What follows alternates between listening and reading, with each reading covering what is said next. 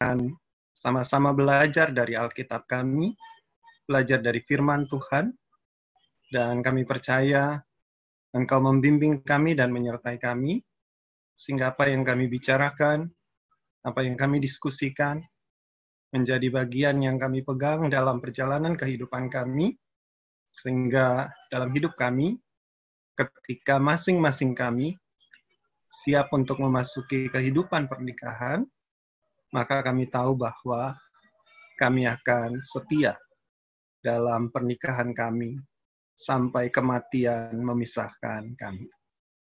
Dalam nama Yesus kami berdoa. Amin.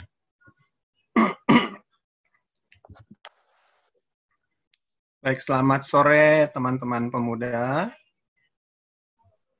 Sore Kaisar. Sore Kak. Sore Kak. Sore Kak. Sore Kak. Uh, senang hari ini bisa kembali ada dalam persekutuan pemuda dan uh, temanya sangat menarik tadi dari Mustika udah bilang dari Sisil juga udah uh, berbagi gitu ya bahwa apa yang mau kita bicarakan ini adalah sesuatu yang uh, tidak mudah gitu ya dalam praktek uh, kehidupan pernikahan Kristen. Saya bisa share screen kah? Bang Andika? Bisa, bisa, bisa Pak. Bisa Kak, udah jadi co-host. Oke.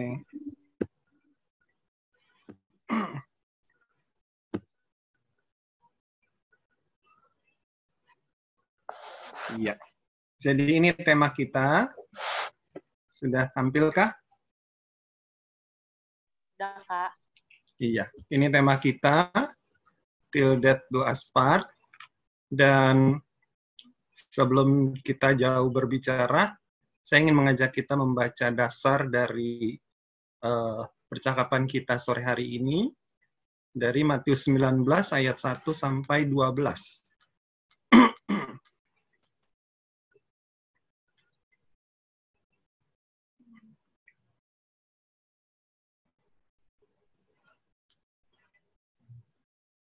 Matius 19 ayat 1 sampai 12. Boleh minta tolong untuk dibacakan. Satu orang pemuda baca ayat 1 sampai 5, lalu yang pemudinya baca ayat 6 sampai 12. Silahkan, siapa yang mau menolong membacakan? Perceraian. Setelah Yesus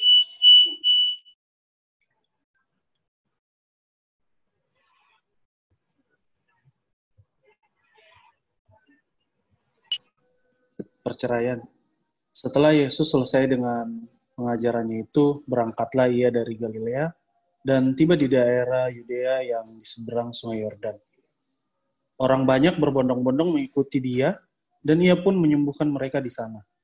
Maka datanglah orang-orang Farisi kepadanya untuk mencobai dia. Mereka bertanya, apakah diper, diperbolehkan orang menceraikan istrinya dengan alasan apa saja? Jawab Yesus, tidakkah kamu baca bahwa ia yang menciptakan manusia sejak semula menjadikan mereka laki-laki dan perempuan dan firman dan firmannya sebab itu laki-laki akan meninggalkan ayah dan ibunya dan bersatu dengan istrinya sehingga keduanya itu menjadi satu daging. Demikianlah mereka bukan lagi dua melainkan satu. Karena itu apa yang telah dipersatukan Allah tidak boleh diceraikan manusia.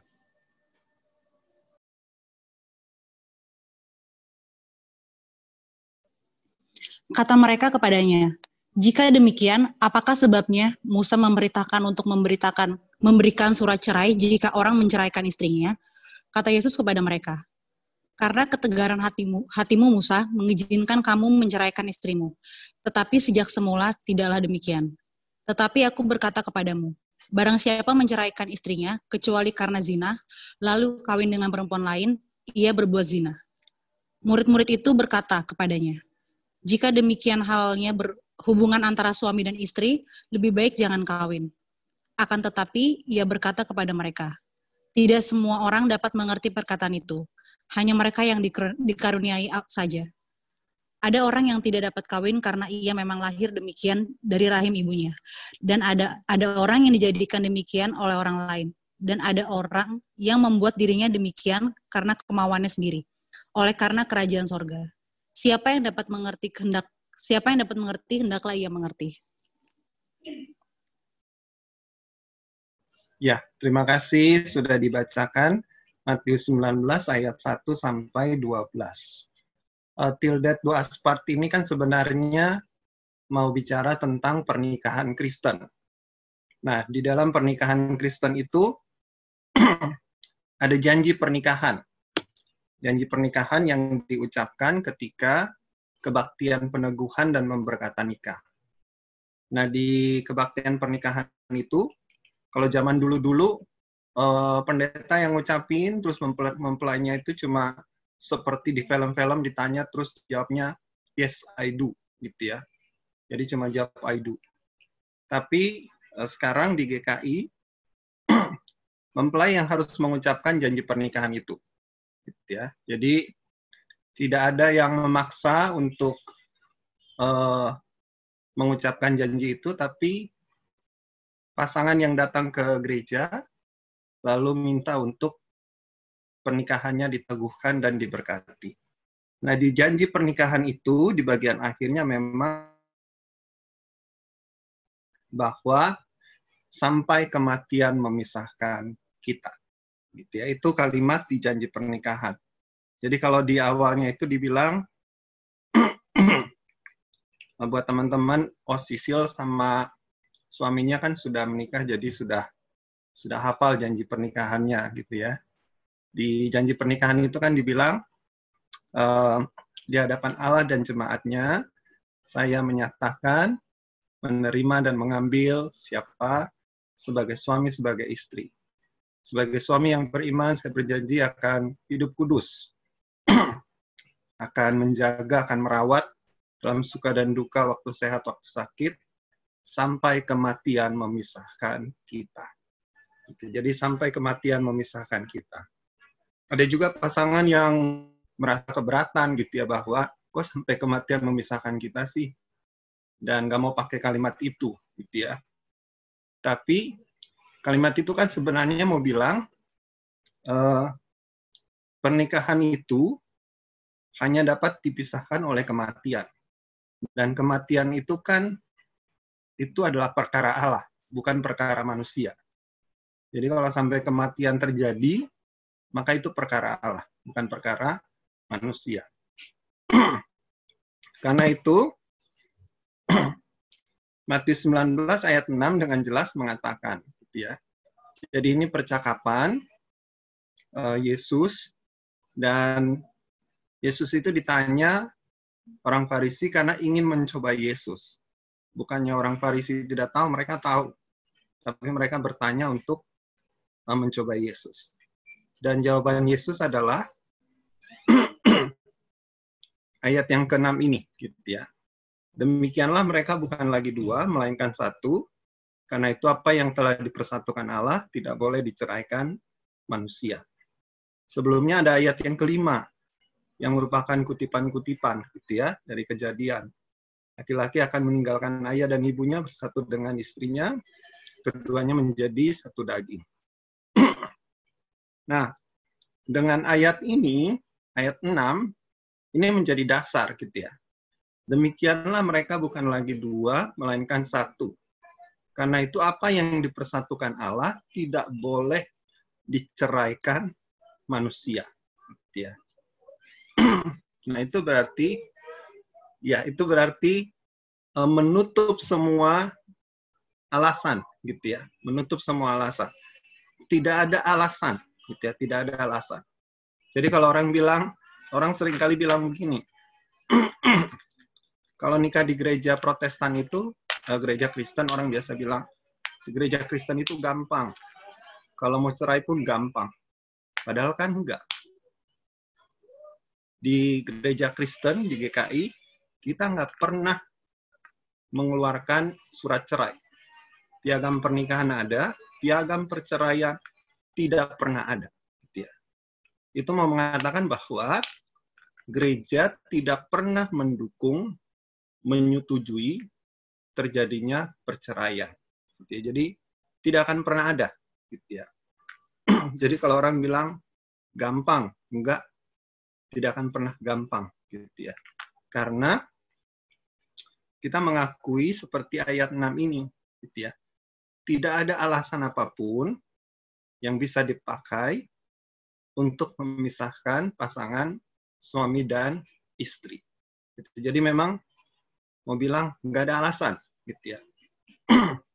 nah dalam uh, percakapan pernikahan, persiapan pernikahan itu memang uh, kalau percakapan dengan saya selalu ditanyakan uh, ada nggak alasan kira-kira gitu ya yang misalnya dari pihak uh, yang wanitanya atau dari pihak yang pria bahwa ada nggak kira-kira yang buat yang wanitanya bahwa kalau sampai melakukan ini udah tertutup gitu ya kita pisah.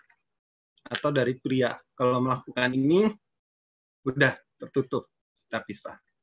Dan ternyata ada banyak alasan gitu ya bahwa ada yang pernah mengungkapkan begini bahwa setelah nikah kita akan tinggal di rumah orang tua dan yang mempelai wanita berkata, selama kita tinggal di rumah orang tua, kamu boleh marah kepada saya, tapi tidak boleh kepada orang tua saya.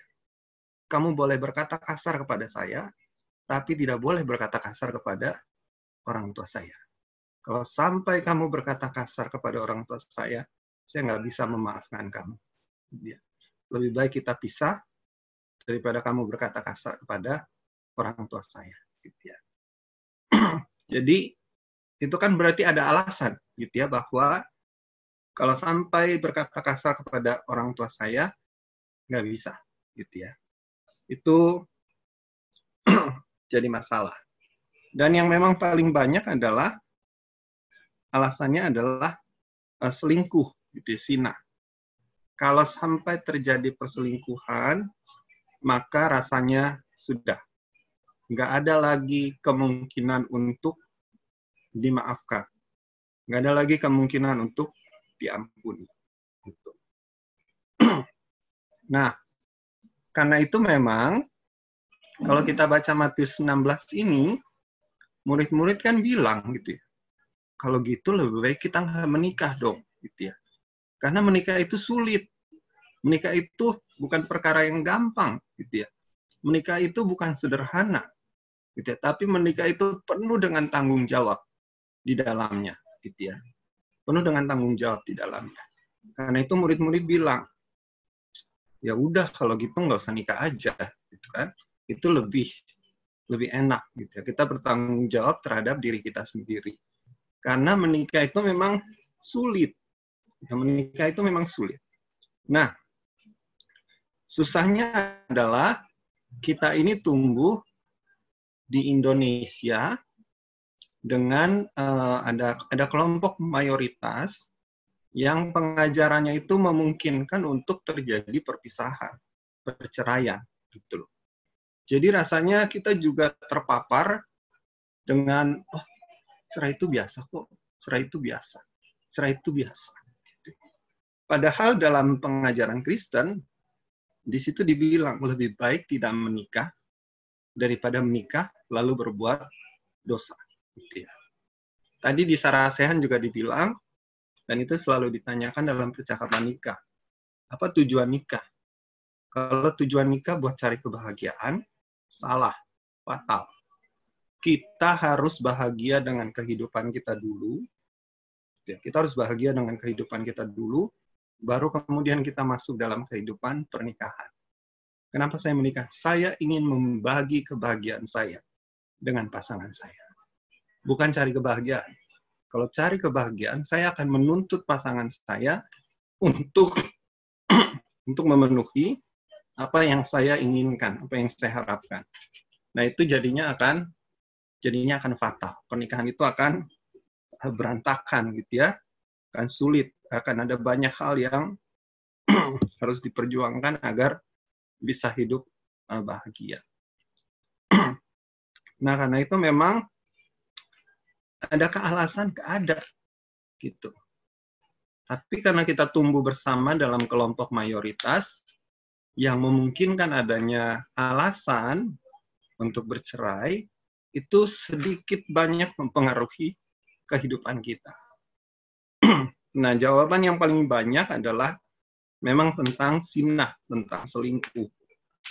Nah, di Alkitab kita, ini juga sering kali disalah tafsirkan, disalah artikan. Ketika Yesus juga e, menjawab gitu ya. Tadi di bacaan kita kan kita baca ya, ayat 9. Aku berkata kepadamu, barang siapa menceraikan istrinya, kecuali karena sina, lalu kawin dengan perempuan lain, ia berbuat sina. Ini jadi seolah-olah, oh boleh cerai. Alasan cerainya adalah sina. Ini adalah aturan pada saat itu. Jadi, Yesus itu menjelaskan kepada orang Farisi aturan pada saat itu yang ditetapkan oleh uh, pemuka agama dan juga disetujui oleh negara bahwa perceraian boleh terjadi karena sina, lalu kemudian uh, boleh menikah lagi tapi tetap aja itu sina, gitu ya. Nah, pokok pengajaran Yesus sebenarnya di ayat 6. Jadi jangan salah artikan bahwa oh boleh kecuali karena sina. Ada satu pasangan yang saya kenal, mereka menikah, Lalu kemudian eh, mereka mengalami masalah dalam kehidupan pernikahan mereka. Eh, masalahnya itu jadi berat karena yang pria ini kan dia pelaut, gitu ya. Pelaut itu kan kalau kerja tiga bulan, enam bulan, baru kembali ke darat ketemu istri dan keluarga, gitu ya. nah, mereka mengalami masalah yang berat karena istrinya itu uh, hamil, gitu ya, istrinya hamil. Istrinya hamil dan ada banyak cerita uh, tetangga, keluarga yang mengatakan bahwa anak yang dikandung itu bukan anak suaminya, gitu ya, bukan anak suaminya. nah, itu akhirnya menjadi masalah yang besar karena keluarga juga akhirnya ikut ikut campur di dalamnya gitu ya. Dan semua orang berkata bahwa keluarga besar berkata udah ini nggak bisa diterima. Ini mencemarkan nama keluarga.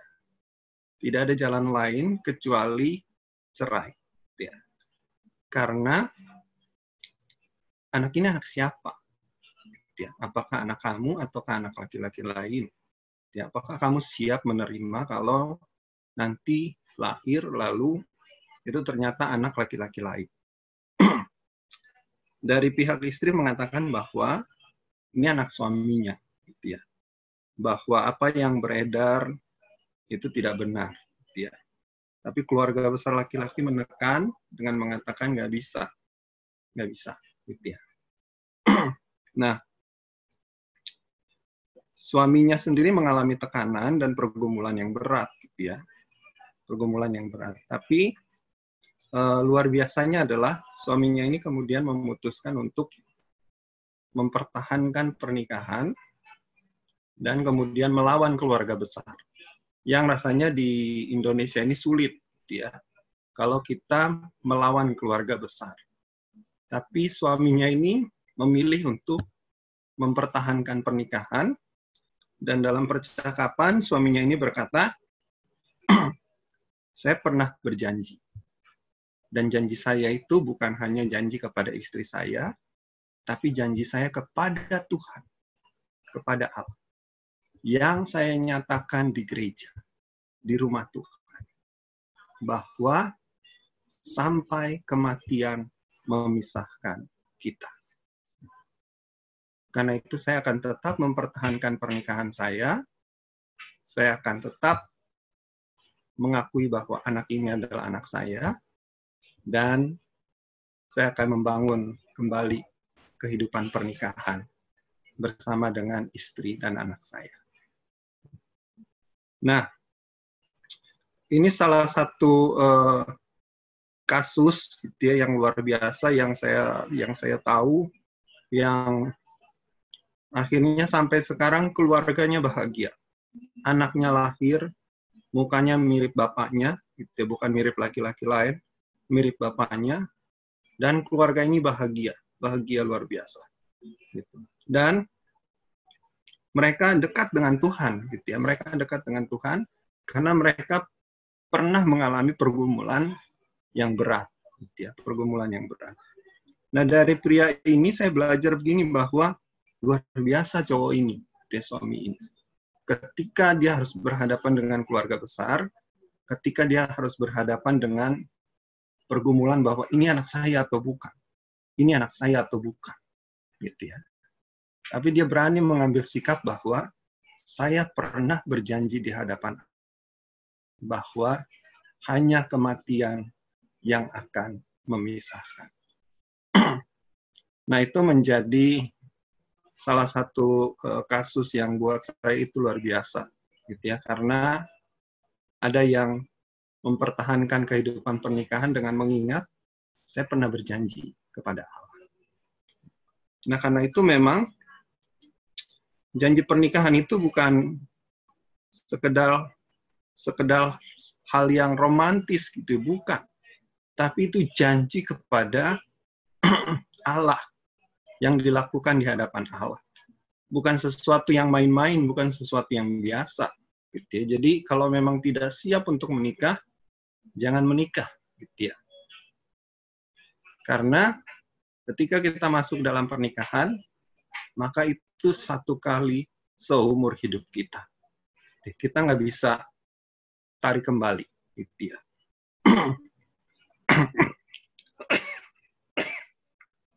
nah, ada pasangan lagi yang menikah, lalu kemudian uh, mereka menikah, gitu ya. Tapi akhirnya mereka pisah, gitu ya. Mereka pisah dan itu pernikahan sebentar sekali, gitu ya. Pernikahan sebentar sekali. Ini terjadi di GKI Cawang, pernikahan sebentar sekali dan yang wanitanya menuntut agar uh, prianya mencabut kembali janji pernikahan dan dia ingin agar pria itu melakukan di gereja seperti ketika mereka menikah. Gitu ya. Tapi gereja kan nggak ada pembatalan pernikahan dan juga tidak menyetujui perceraian, perpisahan. Jadi memang gereja tidak bisa memfasilitasi yang seperti itu gitu ya. Pastoral dilakukan, dilakukan, dilakukan, tapi akhirnya mereka memutuskan untuk uh, berpisah gitu ya. nah, contoh kasus lain adalah seperti yang tadi Sisil bilang. Gimana kalau orang tua mempertahankan pernikahan sampai kematian memisahkan, tapi di rumah itu seperti neraka, gitu ya orang tua tidak menjadi contoh yang baik untuk anak-anak. Bahkan anak-anak rasanya mengalami tekanan dalam kehidupan keluarga. nah, itu tadi yang saya bilang. Pernikahan itu bukan hal yang sederhana. Pernikahan itu rumit. Gitu ya, karena dia menyatukan dua orang yang berbeda. Dua orang yang berbeda. Karena itu kalau kita tidak siap menikah, jangan. Gitu ya. Jangan juga karena seperti yang tadi Mestika bilang, karena ditanya, ditanya, ditanya, ditanya, ditanya, kapan, kapan, kapan, kapan, kapan, akhirnya ya udahlah nikah aja. Gitu. Ya. Jangan. Itu bakal bukan bakal tidak bahagia, bukan. Tapi proses untuk mencapai kebahagiaan itu akan sulit dan panjang gitu ya. Tapi kalau kita benar-benar siap, maka itu akan menjadi perjalanan yang indah dalam kehidupan pernikahan kita. Nah, karena itu memang saat kita menikah, suami dan istri. Tapi kemudian dalam pernikahan akan hadir anak. akan hadir anak. Nah, orang tua harus mengingat begini. Saya mendapatkan satu nasihat dari seorang yang lanjut usia, dia yang bilang begini. Setiap orang tua harus mengingat anak tidak pernah minta dilahirkan. Anak tidak pernah minta dilahirkan. Karena itu, ketika dia hadir dalam keluarga sebagai buah cinta kasih, orang tua, suami dan istri, orang tua bertanggung jawab untuk kebahagiaan anak itu. itu nasihat yang saya dapatkan dan buat saya kalimat itu luar biasa gitu ya. Anak tidak pernah minta dilahirkan. Jadi ketika suami istri menikah lalu kemudian hadir anak maka orang tua bertanggung jawab terhadap kebahagiaan anak itu.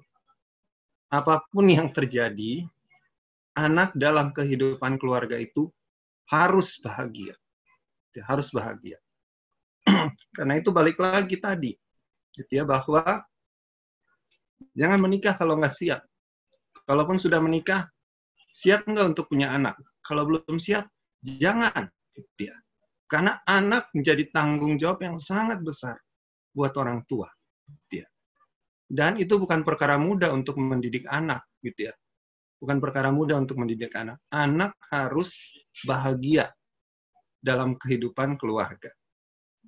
nah, karena itu, bagaimana kalau terjadi seperti yang Sisil bilang? Ini nih orang tua nih kayaknya lebih baik pisah, gitu ya. Kalau pisah jadi lebih aman buat anak, gitu ya. Kalau nggak pisah, anak jadi korban. Nah, ini mau mengajarkan kepada kita bahwa ya saya percaya Sisil juga mengakui lah oh orang tua yang seperti ini adalah orang tua yang tidak bertanggung jawab gitu ya yang tidak bertanggung jawab. Bahwa harusnya orang tua dapat membuat rumah itu tempat yang nyaman rumah itu tempat yang paling aman untuk anak. Kalau terjadi yang seperti tadi yang Sisil bilang maka rasanya sedih sekali gitu ya. Sedih sekali kalau terjadi seperti itu. Terus apa yang harus dilakukan? Orang tua sebenarnya harus mencari pertolongan gitu ya. Harus mencari pertolongan. Jadi kalau saya bilang kita lompat dulu ke slide ini gitu ya kalau orang tua mengalami yang seperti itu maka orang tua harus mencari pertolongan mencari pertolongannya gimana cari bantuan profesional Nanti juga kalau teman-teman menikah dan mengalami kesulitan-kesulitan dalam pernikahan, jangan malu untuk cari bantuan profesional. Gitu ya. Jangan malu untuk cari bantuan profesional. Tapi kita juga harus hati-hati.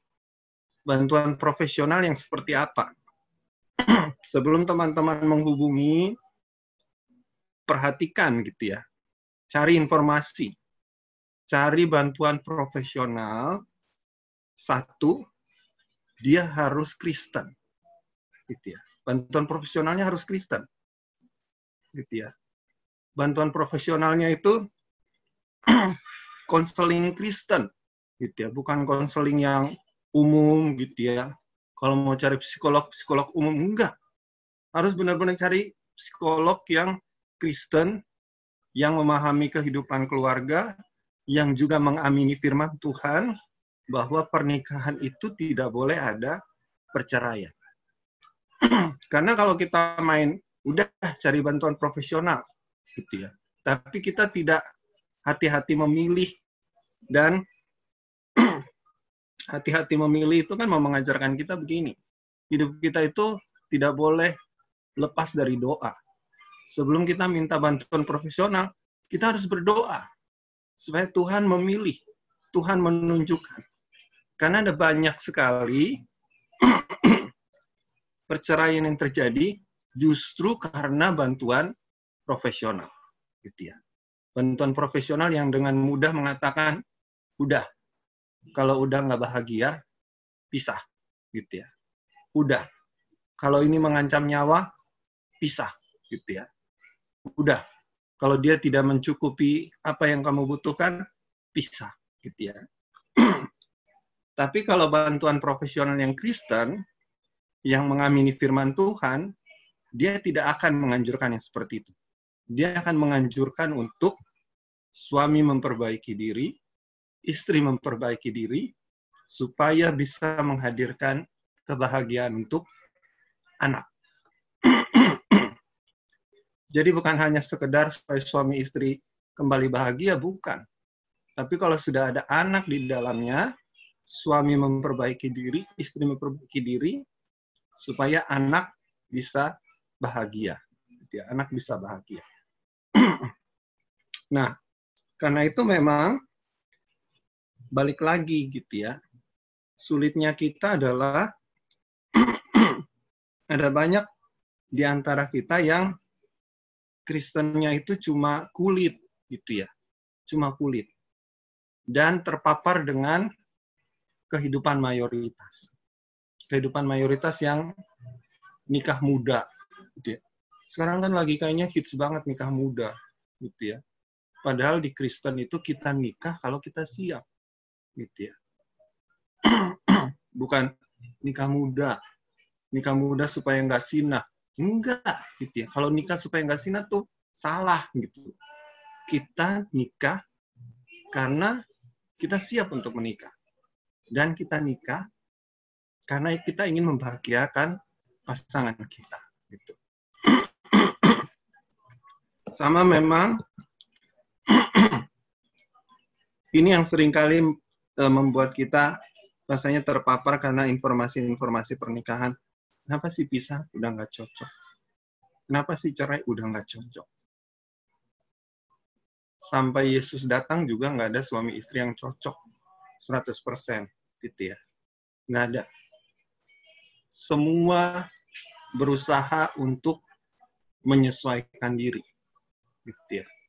Suami dan istri berusaha untuk enggak. Suami dan istri berusaha untuk menyesuaikan diri dalam kehidupan pernikahan. Jadi nggak akan pernah cocok. Karena itu balik-balik lagi ada nggak sih alasan?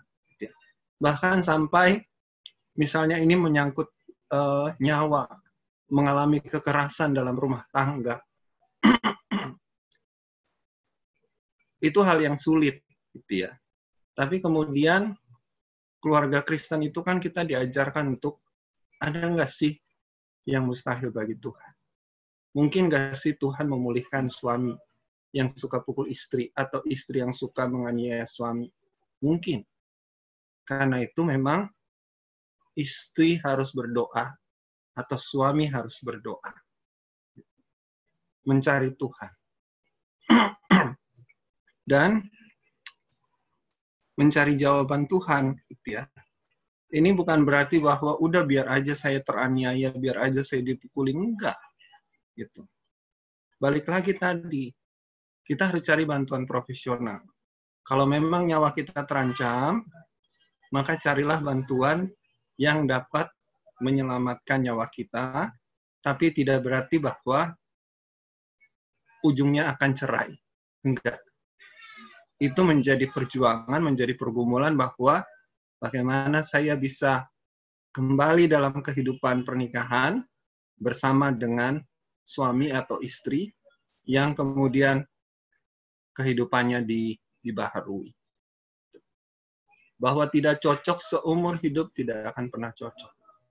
Nanti setelah menikah kita akan bertemu dengan pasangan kita dan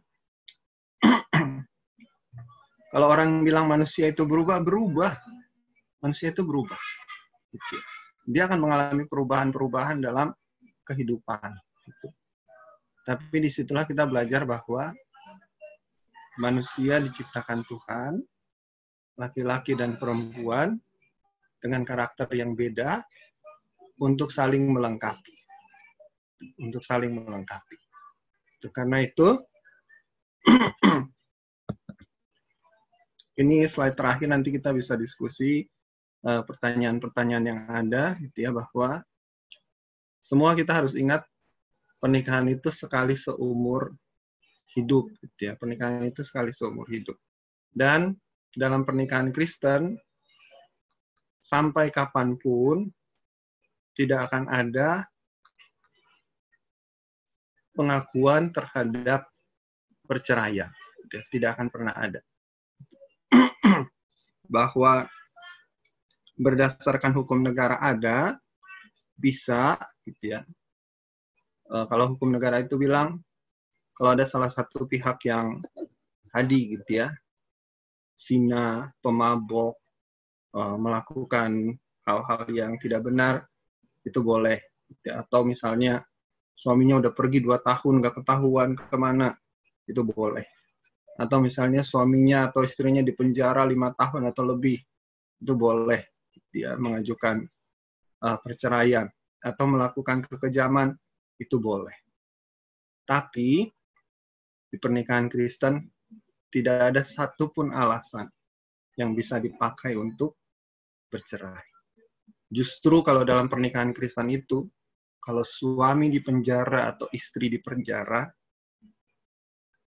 justru suami atau istri yang ada di luar penjara itu, dia harus menjadi penolong bagi suaminya. Supaya suaminya itu kembali ke jalan Tuhan.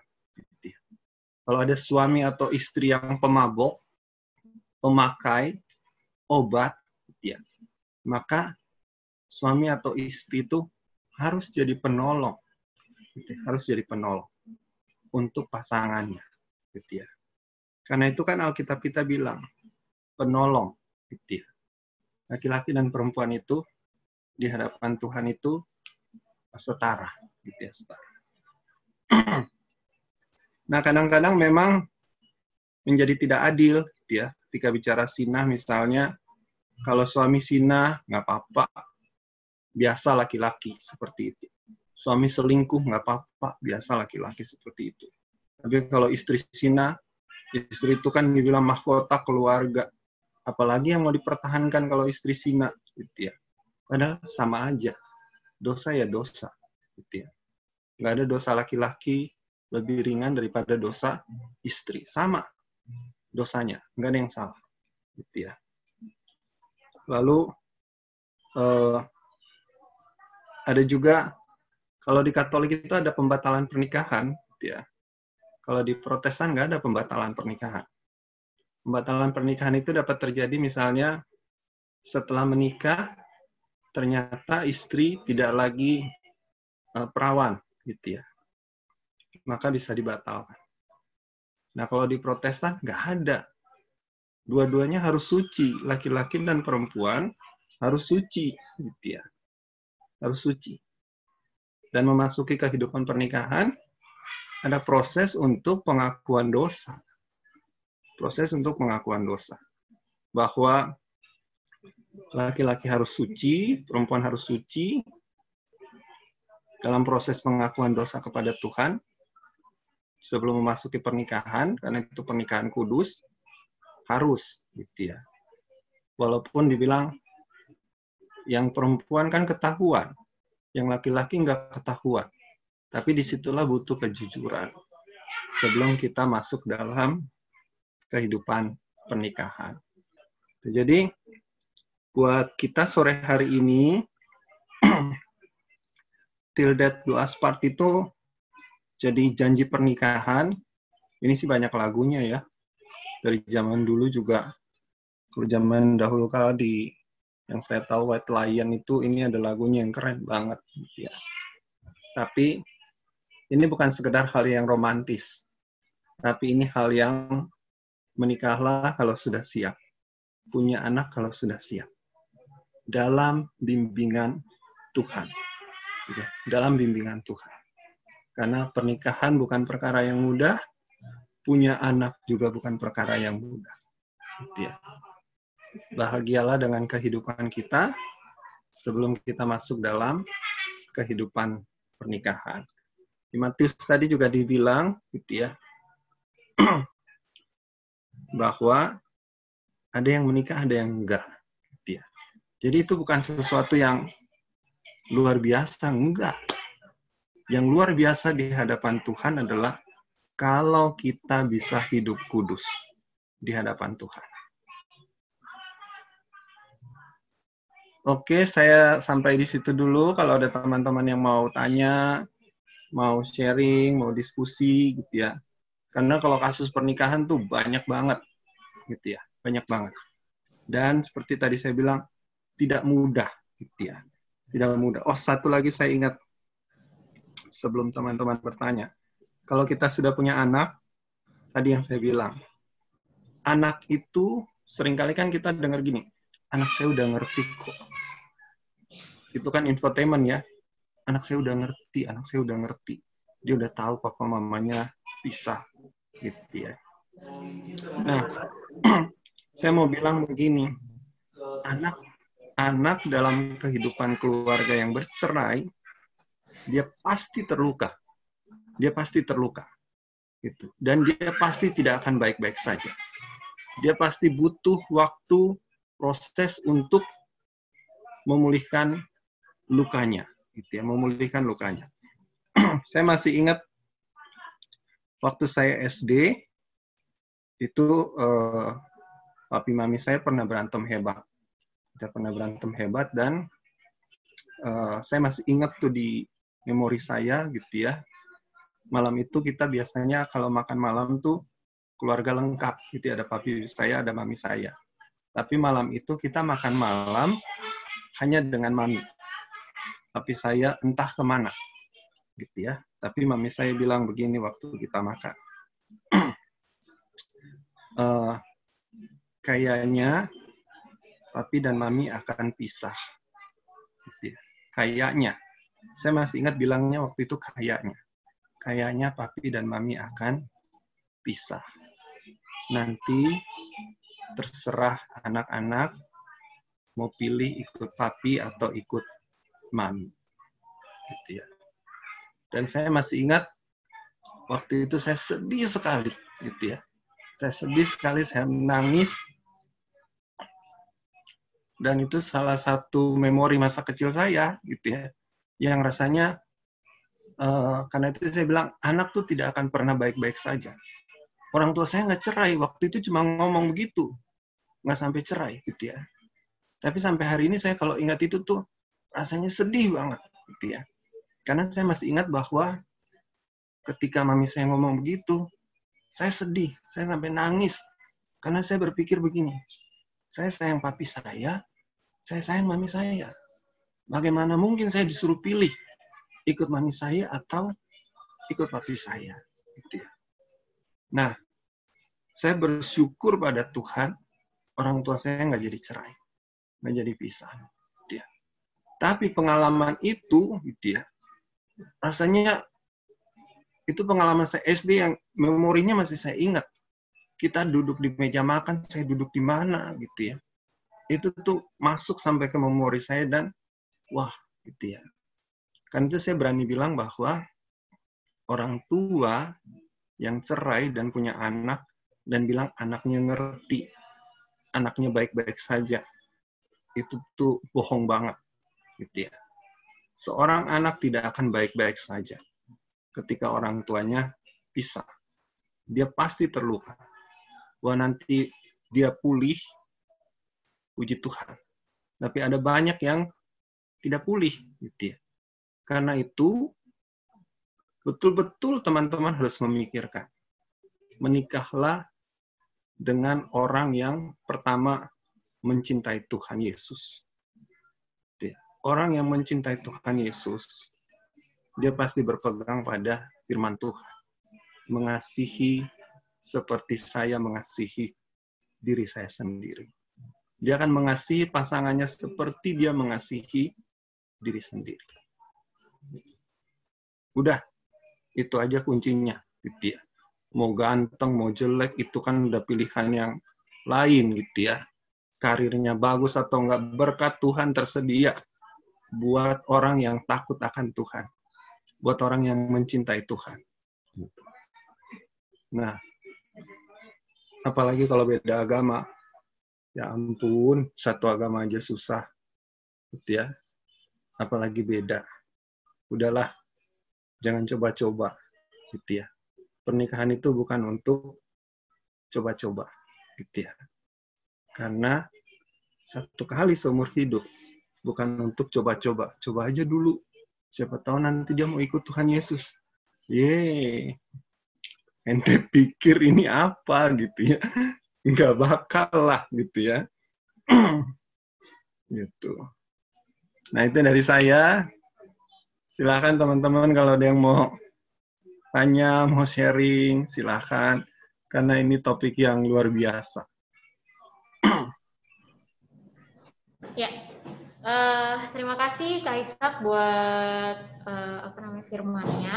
Betul banget. Ini topik yang apa ya membuka banyak pertanyaan gitu ya teman-teman. Tadi mungkin pertanyaan dari Sisil yang pertama kan ya, itu mungkin secara nggak langsung tadi Kaisak juga menjawab kalau ya anak itu nggak minta untuk dilahirkan gitu. Jadi ketika sudah siap untuk menikah dan sudah siap mempunyai anak, berarti uh, orang tua itu harus bertanggung jawab untuk kebahagiaan anaknya gitu ya. Mungkin itu ya. Uh, mungkin nanti bisa ditambahin lagi sama Kaisak. Uh, sebelum yang lain tanya, aku tuh sebenarnya juga mau bertanya sih. Boleh ya kalau aku dulu? Boleh. Boleh. Uh, ini yang ini terjadi di circle aku gitu, Kaisa. Ada yang terjadi di circle aku gitu.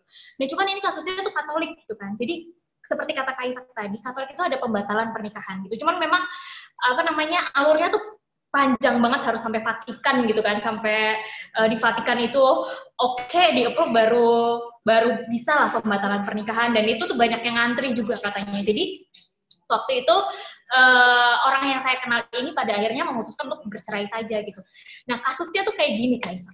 Jadi mereka tuh sudah pacaran. Tapi baru tahu kalau ternyata hmm, ketika menikah suaminya itu uh, apa ya? Apa istilahnya? Iya punya kelainan gitu loh. Beda orientasi gitu. Nah kalau kayak gitu kan gimana ya? Uh, memang di maksudnya di, di ajaran kita tuh kan nggak boleh menikah. Tapi maksudku ketika aku diperhadapkan dengan cerita itu uh, logikaku tuh jadi berpikir juga gitu kan. Ya ya karena suaminya kayak gitu gitu. Yang tidak memiliki saya nggak tahu sih mungkin dia bi ya bi seks gitu. Jadi mungkin mereka per, mereka emang pernah pacaran gitu. Tapi ternyata semakin ke sini semakin ke sini tuh setelah menikah uh, ternyata orientasinya tuh emang menceng banget gitu bahkan si orang yang, yang cewek yang saya kenal ini dia masih perawan sampai menikah gitu jadi memang nggak pernah disentuh sama sekali sama suami. Jadinya dia melakukan itu pembatalan pernikahan. Nah, kalau misalnya itu terjadi di Kristen tuh kayak gimana ya, Kaisak gitu maksudnya? Uh, karena mungkin uh, gimana ya, sampai aku tuh juga bingung gitu. Kalau secara manusia ya mungkin kan kita mikirnya ya udah gitu ya. Tapi mungkin kesalahannya adalah ketika waktu pacaran kurang meng, apa ya maksudnya kurang mengenal gitu kan pasangannya. Dan itu itu yang pertama gitu. Yang kedua uh, yang kedua uh, apa namanya saya mau bertanya juga gitu. Masalah masalah yang kalau misalnya tadi kayak selingkuh atau apa kayak gitu uh, itu kan mem mem membutuhkan kebesaran hati dari pasangannya gitu ya untuk mengampuni tadi gitu kan untuk mendoakan mengampuni. Nah kalau yang KDRT ini gimana ya Kak Isak gitu?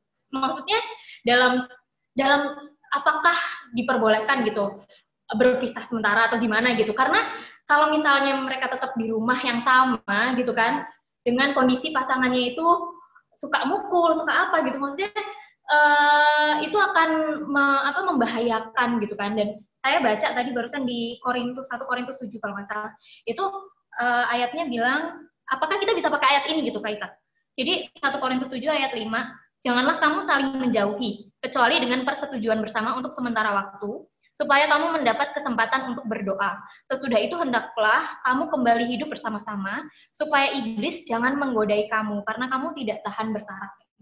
Nah, apakah gimana menurut Kak? Apakah kalau misalnya dalam kasus KDRT gitu ya, ya emang sebaiknya sih dalam uh, proses berpacaran kita kan harus kayak mengeksplorkan ini kira-kira ada potensi nggak nih? Gitu. Ada potensi nggak ya ini? Ya ada potensi nggak ya gitu kan? Maksudnya kita emang harus pinter-pinter. Tapi kalau misalnya nih uh, apa udah sampai pada akhirnya kita memutuskan menikah dan itu baru terlihat gitu di dalam kehidupan pernikahan kalau ternyata dia tuh melakukan KDRT itu gimana Kaisan? Uh, apa namanya solusinya? Kira-kira itu dulu deh Kaisa kalau dari aku mungkin nanti abis ini ada teman-teman lain yang mau bertanya.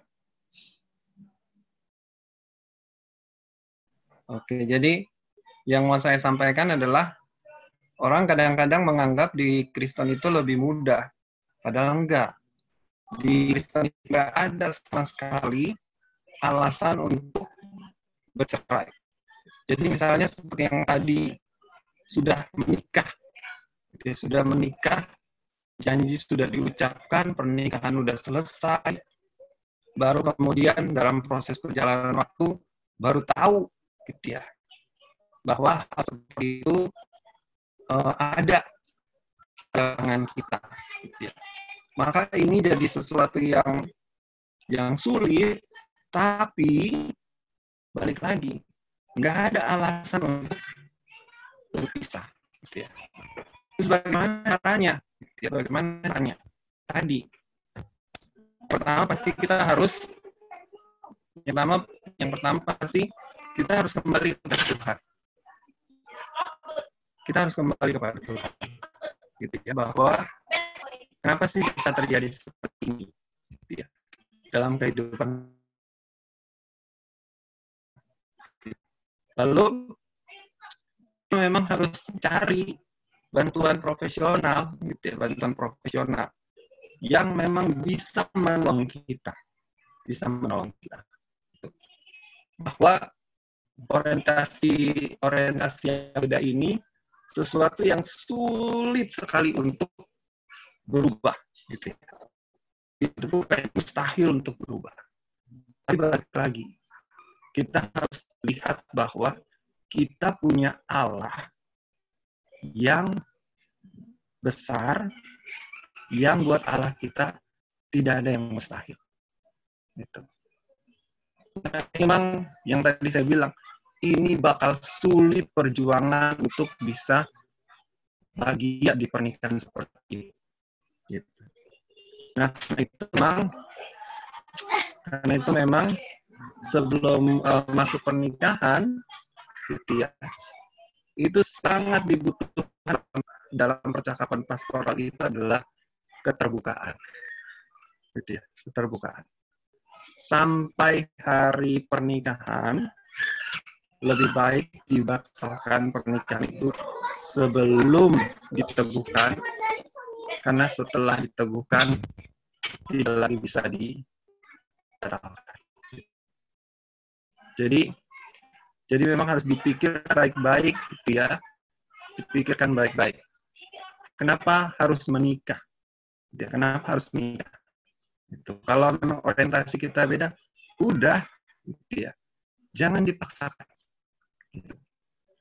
Jangan alasan sosial tekanan keluarga dan sebagainya itu namanya kita membohongi diri kita dan membohongi pasangan kita gitu kan? Dan itu akhirnya akan jadi jadi bencana gitu ya buat kehidupan dan pernikahan gitu. nah yang kedua yang kedua tentang KDRT ya KDRT nah KDRT ini ketika itu menyangkut nyawa harus diselamatkan. Harus diselamatkan itu dalam pengertian misalnya istri dan anak harus diambil dulu gitu ya.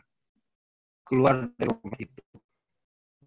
Tapi bukan berarti bahwa keluar dari rumah itu dan menjadi alasan untuk bercerai ya.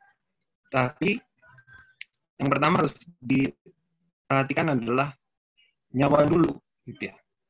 Nyawa diselamatkan, nyawa istri, nyawa anak diselamatkan, baru kemudian lakukanlah uh, pastoral gitu ya, konseling untuk suami.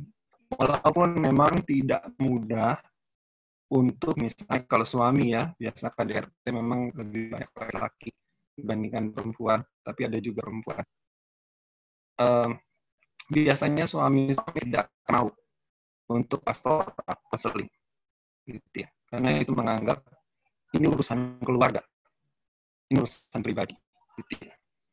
Nah yang pertama memang harus diakui gitu ya bahwa uh, nanti kalau teman-teman sudah menikah dan jadi suami gitu ya. Jadi suami yang egonya itu bisa diturunkan gitu ya.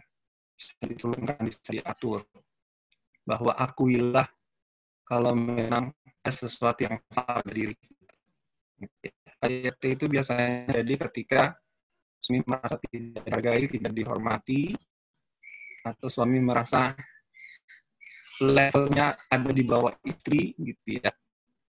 Nah, butuh besaran suami untuk mengakui bahwa ada sesuatu yang dia rasakan dalam hatinya, dan itu harus dibicarakan dengan istrinya, gitu ya. Jangan dipendam, yang akhirnya keluar lewat tindakan kekerasan gitu. Nah, buat istri juga diharapkan untuk tetap menyadari bahwa emang suami itu egonya gede, laki-laki itu egonya gede. Dan laki-laki itu seapapun dia, seorang laki-laki itu suami itu tetap merasa dihargai dan dihormati adalah hal yang utama dalam kehidupannya. Gitu. Jadi memang harus diajak ngomong baik-baik, harus dibaikin, harus dimanja-manjain gitu. Supaya nah di situlah dibilang ada pengorbanannya. Ada pengorbanannya. Gitu. Karena kalau dua-duanya keras, nggak bakal bisa. Gitu ya. bisa. Dan istri juga nggak bakal bisa atau teman-temannya wanita, kok gue terus yang ngalah? Ada waktunya pasti yang suami akan mengalah, gitu ya. Nah, itu rasanya yang pertama memang ketika temannya nyawa harus diselamatkan, dan yang kedua memang nggak mudah tinggal soal suami RT untuk mengakui bahwa ada sesuatu yang salah pada dirinya, gitu ya. Tapi dari sini adalah istrinya harus melihat saya pergi dari rumah diselamatkan oleh keluarga saya bukan karena saya ingin berpisah bukan. Tapi saya ingin memperbaiki kehidupan keluarga saya. Dan saya gitu ya anaknya itu akan sangat terluka kalau lihat kekerasan dalam keluarga gitu ya. Jangan sampai anak melihat hal-hal yang yang seperti itu itu kasihan lah gitu ya. Orang tuanya mau diperbaiki nanti itu bisa sih tapi ya anaknya udah terluka gitu ya. Bekas lukanya pasti ada. Jadi memang uh, iya bilang tanggung jawabnya luar biasa itu orang tua gitu. kira Ya. Ya, makasih Kak Isak untuk jawabannya. Berarti tadi hmm, kalau untuk yang pertama berarti lebih kepada sebelum uh, janji pernikahan itu di apa dikatakan itu memang kita tuh harus saling terbuka dulu ya sama satu sama lain gitu supaya supaya hal-hal seperti tadi itu nggak ter, terjadi gitu ya terbuka gitu. Kalau misalnya memang orientasinya berbeda ya sudah gitu. Nah untuk yang kedua tadi berarti uh, nyawa dulu diselamatkan dan habis gitu berpisah untuk sementara tapi bukan bukan untuk uh, perceraian gitu ya, tapi tetap mendoakan. Gitu. Ya, makasih Kaisak untuk jawabannya. Uh, mungkin ada teman-teman lain lagi yang mau bertanya. Mumpung topiknya lagi seru nih teman-teman. Ada yang mau bertanya lagi? Mau aku. Oke, Geges, silakan. kak aku mau nanya em, kalau misalnya bukan ini bukannya aku merencanakan ya tapi misalnya nih ada pasangan yang memang sudah eh, bercerai gitu tapi habis itu baru eh, setelah perceraian terjadi baru mencari Tuhan gitu loh baru eh, terbukalah matanya bahwa itu sebenarnya bukan hal yang Tuhan kehendaki kalau misalnya itu terjadi itu bagaimana cara bertobatnya atau kayak bagaimana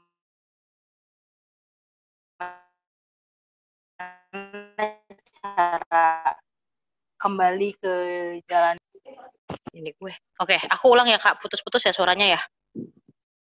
Ya, aku mau nanya, bukannya aku merencanakan, tapi aku mau nanya kalau misalnya ada dua pasangan yang sudah bercerai, tapi setelah perceraian itu selesai, eh kayak udah ketok palu di eh, secara hukum juga dan semuanya semuanya, terus baru eh, mencari Tuhan gitu, kayak baru mengetahui bahwa jadi selama ini katakanlah Kristennya tuh nggak nggak bertumbuh gitu yang kata Kaisa Kristen yang di luarnya aja tapi setelah perceraian itu kemudian dia mengetahui bahwa oh sendaki gitu bagaimana cara kenankan?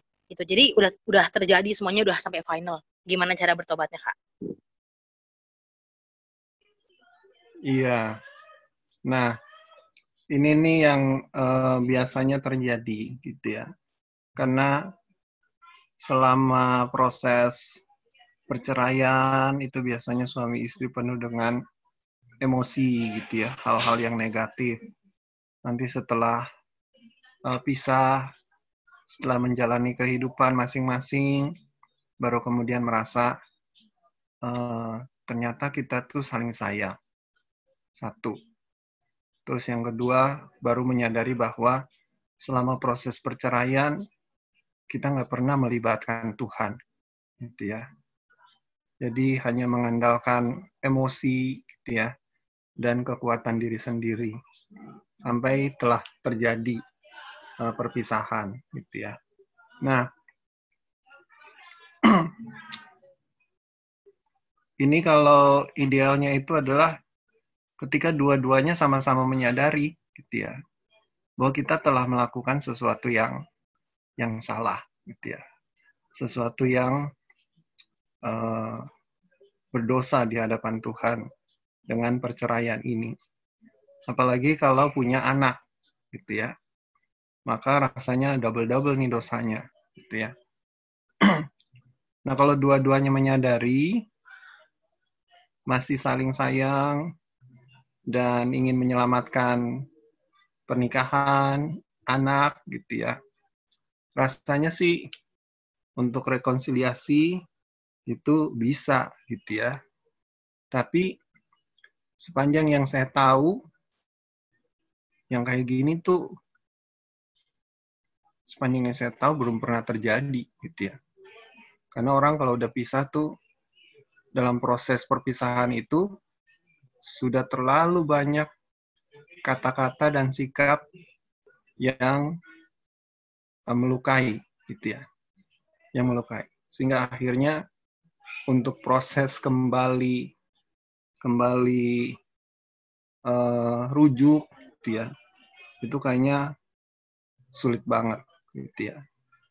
Nah memang setelah kita pisah setelah kita cerai dan ketika kita menyadari kita salah, dan kalau udah nggak bisa kembali lagi, uh, Allah itu kan maha pengampun, gitu ya. Maha pengampun. Waktu kita datang kepada dengan penyesalan, dengan pengakuan, dia pasti akan menerima kita dan bukan hanya menerima ya. Ketika kita berserah kepada Allah dan minta Allah untuk tolong perbaiki kehidupan saya. Ya. Maka Allah pasti perbaiki gitu ya. Perbaiki kehidupan. Walaupun walaupun kita pernah melakukan kesalahan gitu ya, walaupun kita pernah melakukan dosa dan rasanya kita merasa masih masih mungkin nggak sih Allah mengasihi saya gitu ya. Tapi ya Allah kan kenal kita ya dengan baik.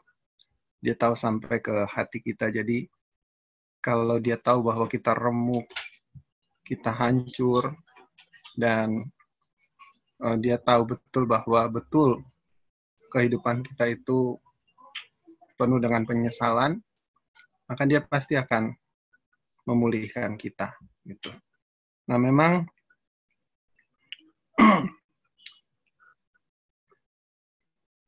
memang adalah lebih baik gitu ya. Adalah lebih baik untuk kita mencegah gitu ya mencegah. Supaya jangan sampai terjadi. Jadi yang tadi saya bilang kalau kita udah sampai di proses perceraian itu yang terjadi kan sering kali bongkar-bongkar aib gitu ya bongkar-bongkar aib. Suami bongkar aib istri istri bongkar aib suami dan itu tuh akhirnya jadi hal yang melukai hal yang melukai Padahal sebenarnya dua-duanya saling sayang, dua-duanya saling cinta. Tapi tertutup oleh tadi gitu ya, tertutup oleh rasanya ego kita, emosi kita gitu ya. Harga diri kita. Nah, itu gitu ya. Nah, balik lagi ke tema kita sebenarnya. Ada nggak sih alasan? Nggak ada bahkan ketika itu menyangkut harga diri nggak ada itu nggak bisa dipakai alasan bahwa harga diri saya sudah di sudah dicabik-cabik sudah diinjak-injak gitu ya nggak ada gitu. bahwa di situlah dibutuhkan uh, pengorbanan gitu ya pengorbanan dalam pengertian harus ada yang mengalah mengalah bukan berarti lalu kemudian membiarkan enggak mengalah untuk menunggu saat yang tepat memperbaiki diri bersama. Gitu. Jadi adalah lebih baik kita mencegah gitu ya. Mencegah untuk sampai terjadi itu.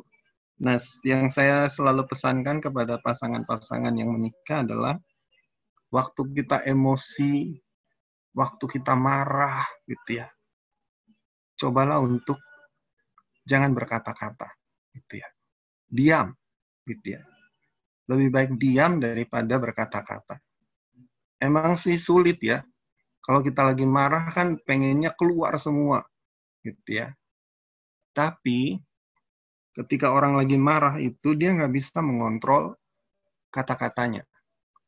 Dan satu kata yang tabu gitu ya pesan saya buat setiap pasangan yang akan menikah juga buat teman-teman sekalian, ada satu kata yang tabu untuk diucapkan dalam kehidupan keluarga pada saat bertengkar apalagi pada saat marah yaitu cerai.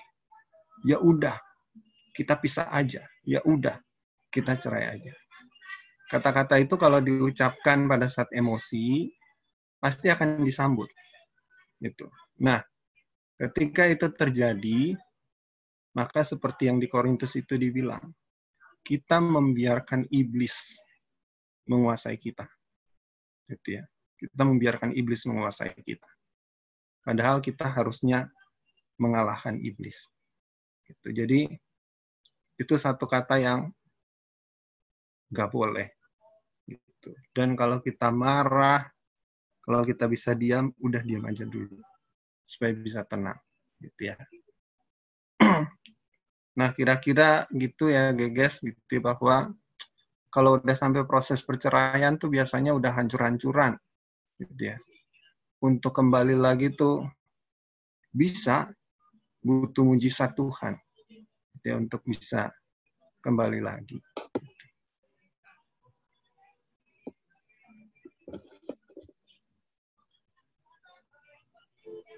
Oke, makasih Kaisa untuk jawabannya. Geges masih mau menanggap, eh sorry sorry, maaf ya videonya harus dionin dulu. Makasih Kak Isak untuk jawabannya. Geges ada yang mau ditanggepin lagi? Apa cukup? Oke, cukup. Ada lagi nggak yang lain teman-teman? Ayo, ayo, ayo. Mungkin yang sedang merencanakan eh, jenjang selanjutnya. bisa bisa tanya-tanya gitu kan.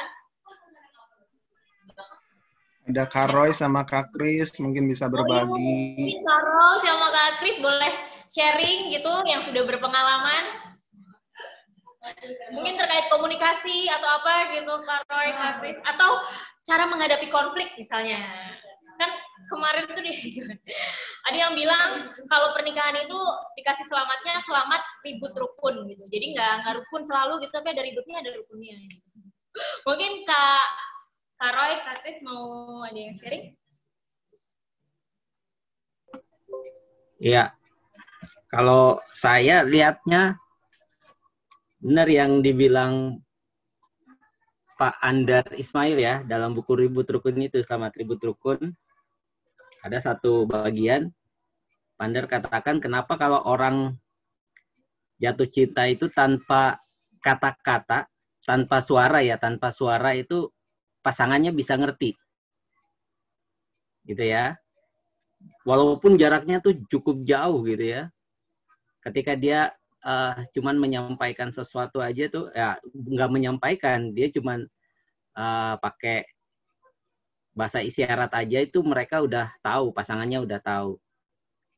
Ya, tapi kalau misalnya orang yang lagi berantem itu walaupun mereka dekat, itu mereka itu seperti orang yang apa namanya? orang yang budek gitu ya kalau orang yang lagi berantem, saking teriak-teriak gitu ya, apa namanya pasangannya itu uh, teriak, kemudian ya pasangannya lagi membalas teriak gitu ya. Padahal mereka dekat. Nah itu Pak Andar mengatakan bahwa karena saat itu pintu hati mereka itu sedang tertutup, gitu ya. Jadi kalau misalnya orang yang lagi jatuh cinta itu, walaupun mereka jauh, mereka saling tahu, saling paham ya karena itu pintu hati mereka itu sedang terbuka. Tapi kalau orang yang lagi berantem itu bukan hanya telinganya yang tertutup tapi pintu hatinya juga tertutup. Sehingga apa yang pasangannya uh, sampaikan ya dia tahu gitu. Saya nggak suka. Nah gitu ibaratnya gitu ya. Saya nggak suka dengan cara kamu seperti ini.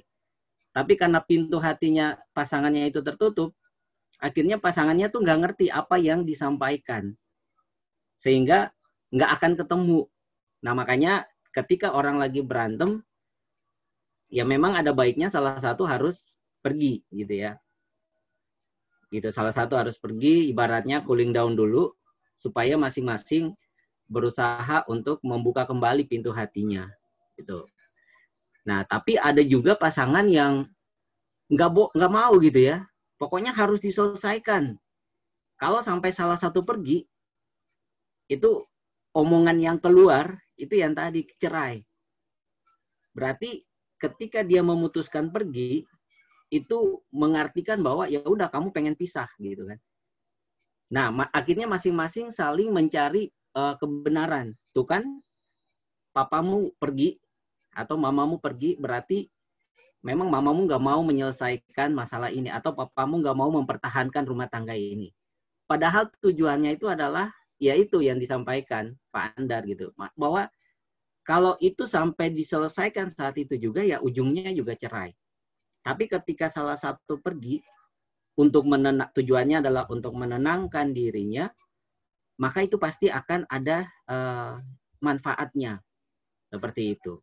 Nah ini yang butuh komunikasi dari kedua pasangan ini ya. Ya itu yang akhirnya uh, bermasalah gitu ya. Makanya ketika orang menikah itu uh, selamatnya itu ya seperti uh, dia sampaikan bahwa itu selamat ribut rukun. Tapi kalau saya katakan ketika orang menikah itu ya selamat datang bukan bahagia tapi selamat datang masalah. Karena ya memulai aja itu untuk mempersiapkan pernikahan juga udah muncul masalah gitu ya. Misalnya masalah biaya, kemudian masalah bagaimana uh, mau di- dilakukan seperti apa gitu kan. Ini menggabungkan dua keinginan gitu. Nah, makanya ketika orang menikah ya selamat datang masalah gitu. Tapi bagaimana ketika masalah itu datang, apakah kita sudah undang terlebih dahulu Tuhan Yesus dalam rumah tangga kita atau belum?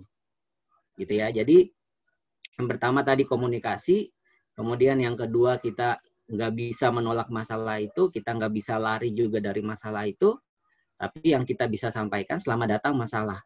Tapi ingat, sebagai tuan rumah, udah ada juga saya udah mengundang Tuhan Yesus terlebih dahulu dalam rumah tangga saya. Jadi nggak apa-apa masalah itu datang nggak apa-apa. Tapi ada Tuhan Yesus yang akan membantu kita, ya menolong kita untuk keluar dari permasalahan. Makanya kalau ada yang ada rumah tangga yang sampai mau berujung pada perceraian gitu ya, kemudian mereka mengatakan bahwa ya saya katakan bagaimana misalnya kalau yang punya anak gitu ya, bagaimana dengan anak kamu?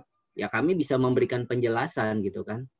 Kami jelaskan ke anak kami ya ya berusaha mereka ngerti lah. Saya sampaikan anak kecil aja kamu berusaha untuk eh, meminta mereka berusaha untuk ngerti. Ya. Gitu, anak kecil gitu ya. Sedangkan kalian orang dewasa aja ini nggak mau ngerti gitu. Kalian orang dewasa mau pisah. Ya, tapi meminta anak kecil untuk mengerti akan keputusan kalian. Nah, itu kan egois banget gitu ya. Nah, ini yang yang butuh kebesaran hati untuk melihat, untuk memahami, untuk berkomunikasi. Bagaimana membangun rumah tangga itu bukan hanya maunya enak aja. Tapi ketika ada masalah, ya kita nggak siap seperti itu. Mungkin itu sih. Terima kasih, Diar. Terima kasih sharingnya Kak Kris. Eh, apa ya? Sungguh sangat memberkati ya. Maksudnya bisa jadi hmm, petuah, petuah. ya petuah untuk nanti misalnya teman-teman yang ada di sini ingin melanjutkan ke jenjang berikutnya bahwa ketika menikah ya itu membuka masalah baru gitu ya, bukan masuk ke taman bunga tapi masuk ke hutan belantara yang harus diberes-beresin gitu ya. Tapi intinya adalah eh, siapa yang kita undang dulu pertama itu adalah Tuhan tadi yang kalau yang disampaikan Kak Kris. Eh, mungkin Kak Andi mau Kak Andi Rau? Oh ada yang nanya ya? Sebentar, sebentar. Kita lihat kolom chat dulu. Oke, ada Iren bertanya, Kak izin nanya bagaimana jika dalam menyelesaikan konflik dalam hubungan atau pernikahan, salah satu pihak melibatkan orang tua terus-menerus. Apakah hal tersebut cukup baik sebagai upaya menentuk, menemukan jalan keluar? Ya, mungkin bisa langsung dijawab, Kak Isak.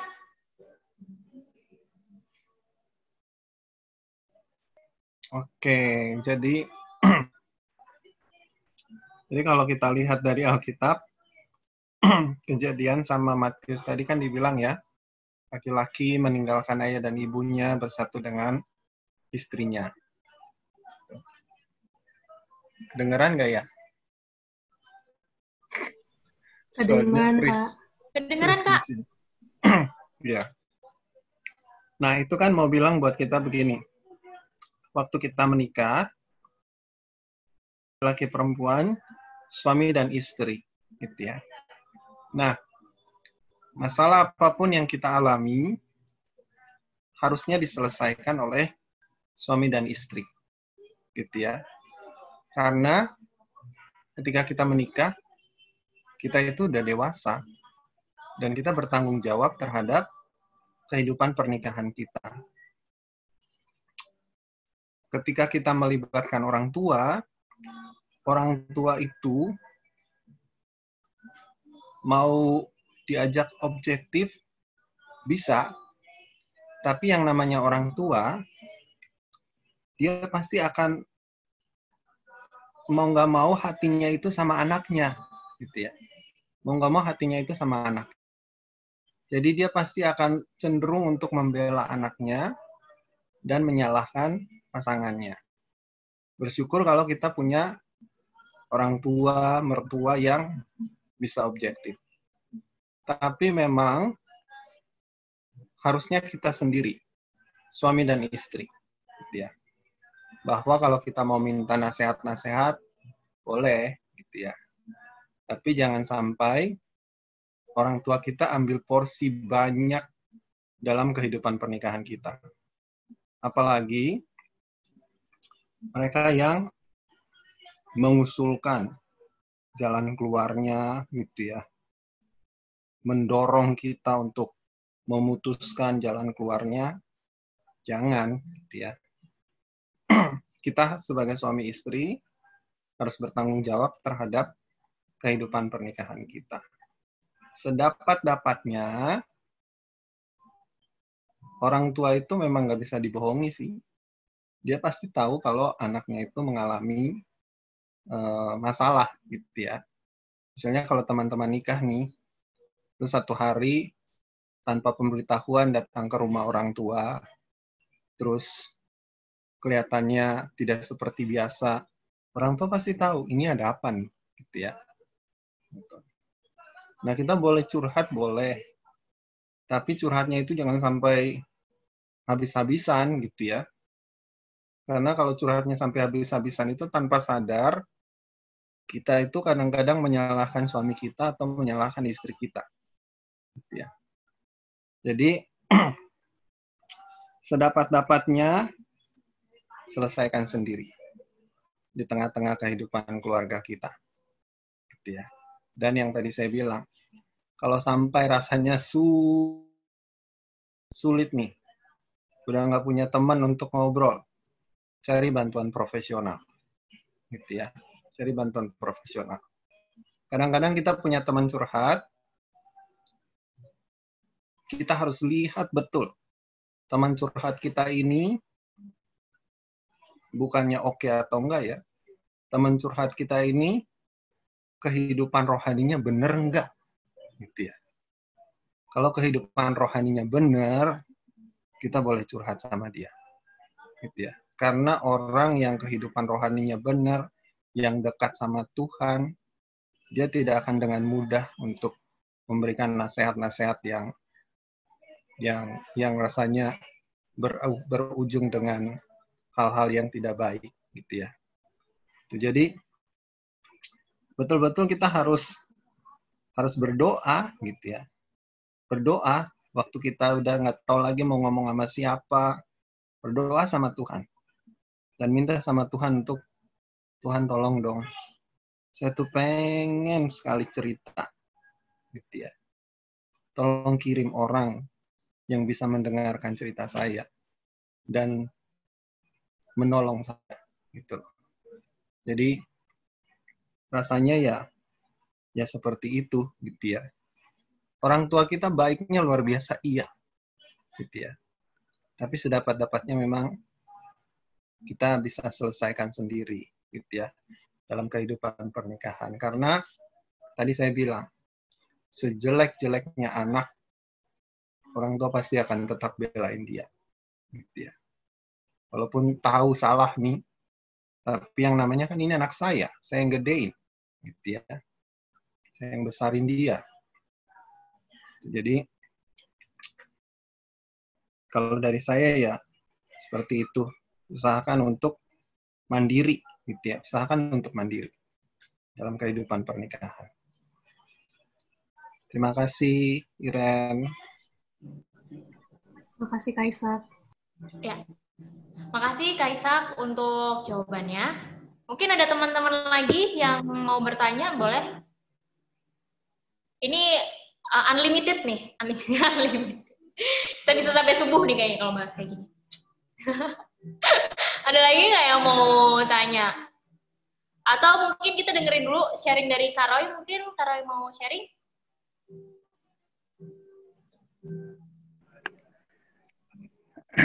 Ya, uh, baik. Terima kasih. Suaranya jelas terdengar mungkin teman-teman? Jelas ya? Jelas. Iya. uh, aku udah menikah dengan uh, pasangan berarti sekarang 11 tahun. Uh, mungkin yang berbeda adalah ketika kami proses pacaran itu selama tiga tahun tuh uh, yang namanya pertengkaran tuh kayaknya nggak pernah ya kita ribut yang baik-baik aja, yang hal-hal yang enak-enak aja yang terlihat, yang positif-positifnya terlihat, yang negatifnya jarang, terutama yang negatif dari aku. Aku tuh tipikal orang yang cenderung emosional. Aku tuh uh, tipikal orang yang mungkin uh, sedikit tidak sabaran. Nah, ketika mungkin waktu masih pacaran itu itu bisa ditahan tuh, bisa dihandle. Karena yang diperlihatkan tuh hal-hal yang yang baiknya gitu loh. Eh, namanya juga kalau lagi PDKT kan mendekat biar ada kesan yang yang yang baik dari dari wanita yang kita deketin ya pasti kita akan memperlihatkan itu. Dan itu terasa banget ketika uh, uh, kami sudah menikah. Uh, awal-awal pernikahan memang menjadi hal-hal yang uh, berat di dalam rumah tangga kami ya. Gitu. Mungkin uh, dalam rumah tangga ketika uh, permasalahannya tidak terlalu uh, berat. Saya nggak menganggap bahwa semua permasalahan berat ada ada ada perbedaannya. Ketika permasalahannya mungkin kita sama-sama bisa menghandle atau apa mungkin kita sama-sama bisa kuat. Tapi mungkin menjadi satu permasalahan ketika ada satu hal yang yang uh, menurut kita uh, cukup berat itu mungkin uh, sebagai manusia memang uh, sedikit agak menggoyangkan lah mungkin uh, iman kita ya dan secara pribadi uh, saya juga merasakan seperti hal itu. Nah, uh, saya pendapat dengan Kak Isak bilang ketika uh, terjadi satu konflik di rumah tangga dan uh, dalam rumah tangga kami memang sedikit uh, kebetulan saya tinggal di rumah orang tua, di rumah mertua. Jadi secara tidak langsung yang namanya campur tangan orang tua itu eh, sangat-sangat uh, jelas ya. Bahkan kadang uh, aku suka bercanda sama istri ketika kita marah-marah tuh ketika aku mau marah juga kadang nah orang orang tua kedengaran atau tidak gitu loh. Tapi uh, setuju setuju yang Kak Isak bilang saya mungkin selalu mengambil aku kalau pas lagi marah atau apa tuh mendingan aku diam. Aku selalu bilang sama istriku, mendingan aku diam daripada aku harus marah dan akhirnya keluar kata-kata yang tidak pantas. Gitu. Uh, apalagi ketika sudah punya anak. Anak aku yang pertama tuh udah usia 10 tahun dan itu udah pinter banget tuh bertanya-tanya udah pinter banget tuh menjawab segala macam. Nah, itu itu itu satu yang yang yang dilakukan. Uh, yang Kedua sih ketika mungkin memang suasananya lagi tidak nyaman, emosi lagi tinggi, ya paling yang dilakukan aku paling sering paling uh, mengambil video ketika kami uh, menikah. Aku ngajak istri untuk menonton diem-dieman. Dengan diem-dieman sampai satu momen sampai habis, habis itu kita pandang-pandangan, terus bilang, jadi tanpa kita sadar tuh ya dia sih selesai gitu loh masalahnya dengan melihat itu gitu. Jadi itu itu mungkin yang yang selalu coba coba kita coba kita apa istilahnya yang coba kita lakukan bahwa ketika ketika uh, ada satu masalah kita kita sama-sama emosional atau apa uh, ada satu tempat yang kita tahu di dalamnya itu ada DVD uh, ketika kami menikah dan dan ketika masalah itu semakin wah kayak jadi susah nih daripada kita diem. Ya kita nonton.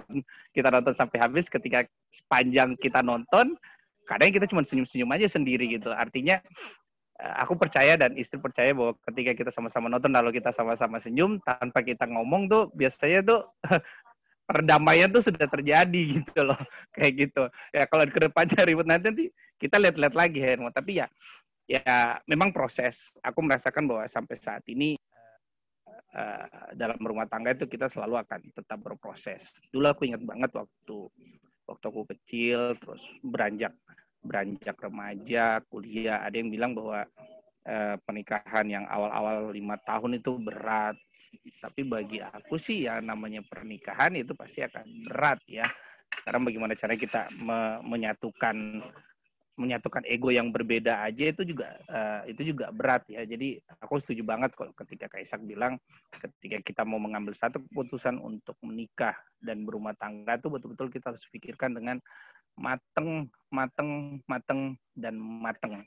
Bukan hanya karena dikejar dengan target, bukan karena aduh aku malu ih teman aku yang itu usianya lebih ini sudah kok aku belum. Enggak, enggak teman-teman Karena uh, ini berbicara bahwa kita akan bersama dengan pasangan kita dia ya sampai mau memisahkan gitu loh. Bukan hanya karena untuk hari ini, bulan depan, tahun depan, tidak teman-teman. Itu mungkin uh, sharingnya teman-teman. Terima kasih. Ya, makasih Kak Roy buat sharingnya. Iya. Ya, bahwa ketika memutuskan untuk menikah benar tadi ya, itu harus dipikir matang-matang bahwa ketika menikah itu kita udah nggak hidup buat diri kita sendiri lagi. Kita nggak menghidupi ego kita sendiri lagi, tapi kita uh, punya pasangan gitu yang yang yang kita harus merendahkan ego kita juga dan mungkin nanti kalau kita punya anak kita juga harus uh, me, apa namanya menekan ego kita buat kita juga kayak gitu ya kak. Ya. Atau ada lagi sebelum kita tutup? Sepertinya adakah kalau aku hitung sampai 10 ya? Countdown. 10, 9, 8, 7, 6, 5, 4, 3, 2, 1. Oke. sudah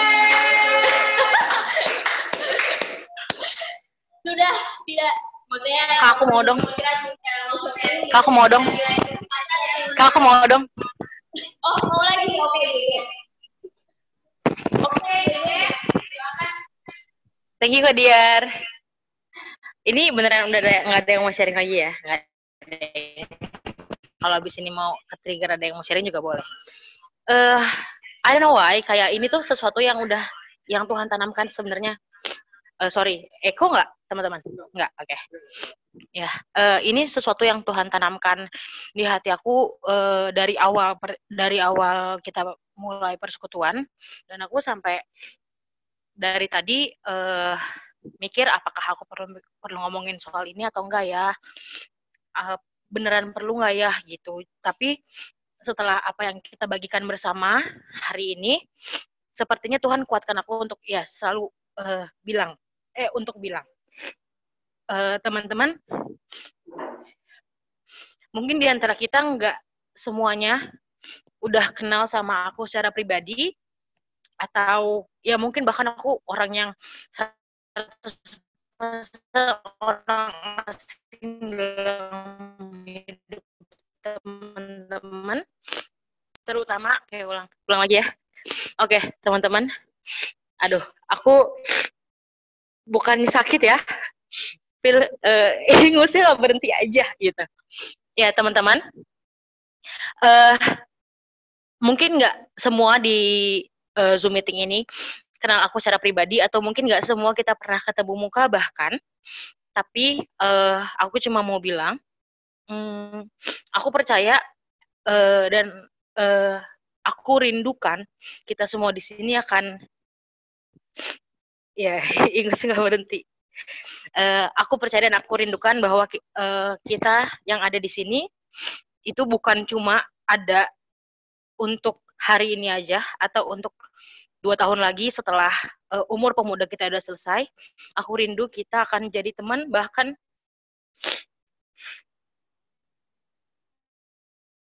saat nanti kita udah berkeluarga. Bukan cuma lima tahun lagi tapi mungkin 20 tahun lagi. Uh, aku rindu kita tetap menjadi teman saat itu dan uh, mungkin kita tetap akan jadi teman dan dan aku berdoa kita akan tetap jadi teman saat mungkin Iren udah uh, bertemu dengan pasangan hidupnya dan hidup dengan bahagia sesuai jalannya Tuhan saat uh, Sari udah punya dua anak gitu. Aku uh, rindu dan percaya bahwa Tuhan akan tetap menempatkan teman-teman dalam sisi kehidupanku saat itu. Dan uh, teman-teman aku cuma pengen bilang I wanna be your friend for the rest of my life. Jadi when things get hard saat rasanya sulit untuk taat sama apa yang Tuhan bilang, you can always come to me. Kita di sini udah sama-sama mengenal, sudah sama-sama dikuatkan mengenai apa yang Tuhan sebenarnya bilang mengenai rumah tangga kita, mengenai keputusan kita. Jadi, uh, please jangan ragu kalau suatu hari hari-hari terasa berat di rumah, share with us. Please come to the church. Karena kita yang udah tahu pasti akan saling menguatkan. Gitu, teman-teman. We're always here for you. I especially akan selalu bersedia untuk dengar cerita teman-teman. Jadi you are not alone. Baik pergumulan sebagai anak dari pasangan yang bercerai atau saat teman-teman merasa pernikahan teman-teman kayaknya udah di ujung, please come to us. I will always hear you. I will always listen to you. Your feeling matter.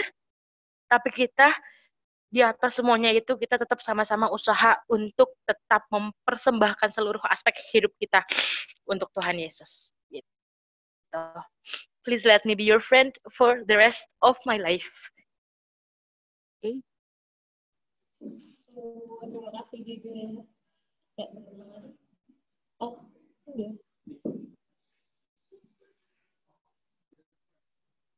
Ya, makasih Geges. Uh, ya bener banget sama kayak yang tadi dibilang Kak Isak juga gitu ya. Ketika ada masalah gitu, datanglah kepada orang yang kita tahu dia akan memberikan hmm, solusi yang yang yang takut Tuhan gitu ya, yang apa namanya hmm, yang memiliki apa memiliki hubungan pribadi yang baik gitu salah satunya adalah komunitas yang ada di gereja kita ini. Maksudnya komunitas kita bersama di gereja. Gitu. Karena itulah yang akan mensupport kita. Gitu. Oke teman-teman, terima kasih uh, untuk setiap sharingnya. Terima kasih juga untuk Kak Isak untuk uh, renungan. Till the last part ya guys, gitu kata Kak Isak.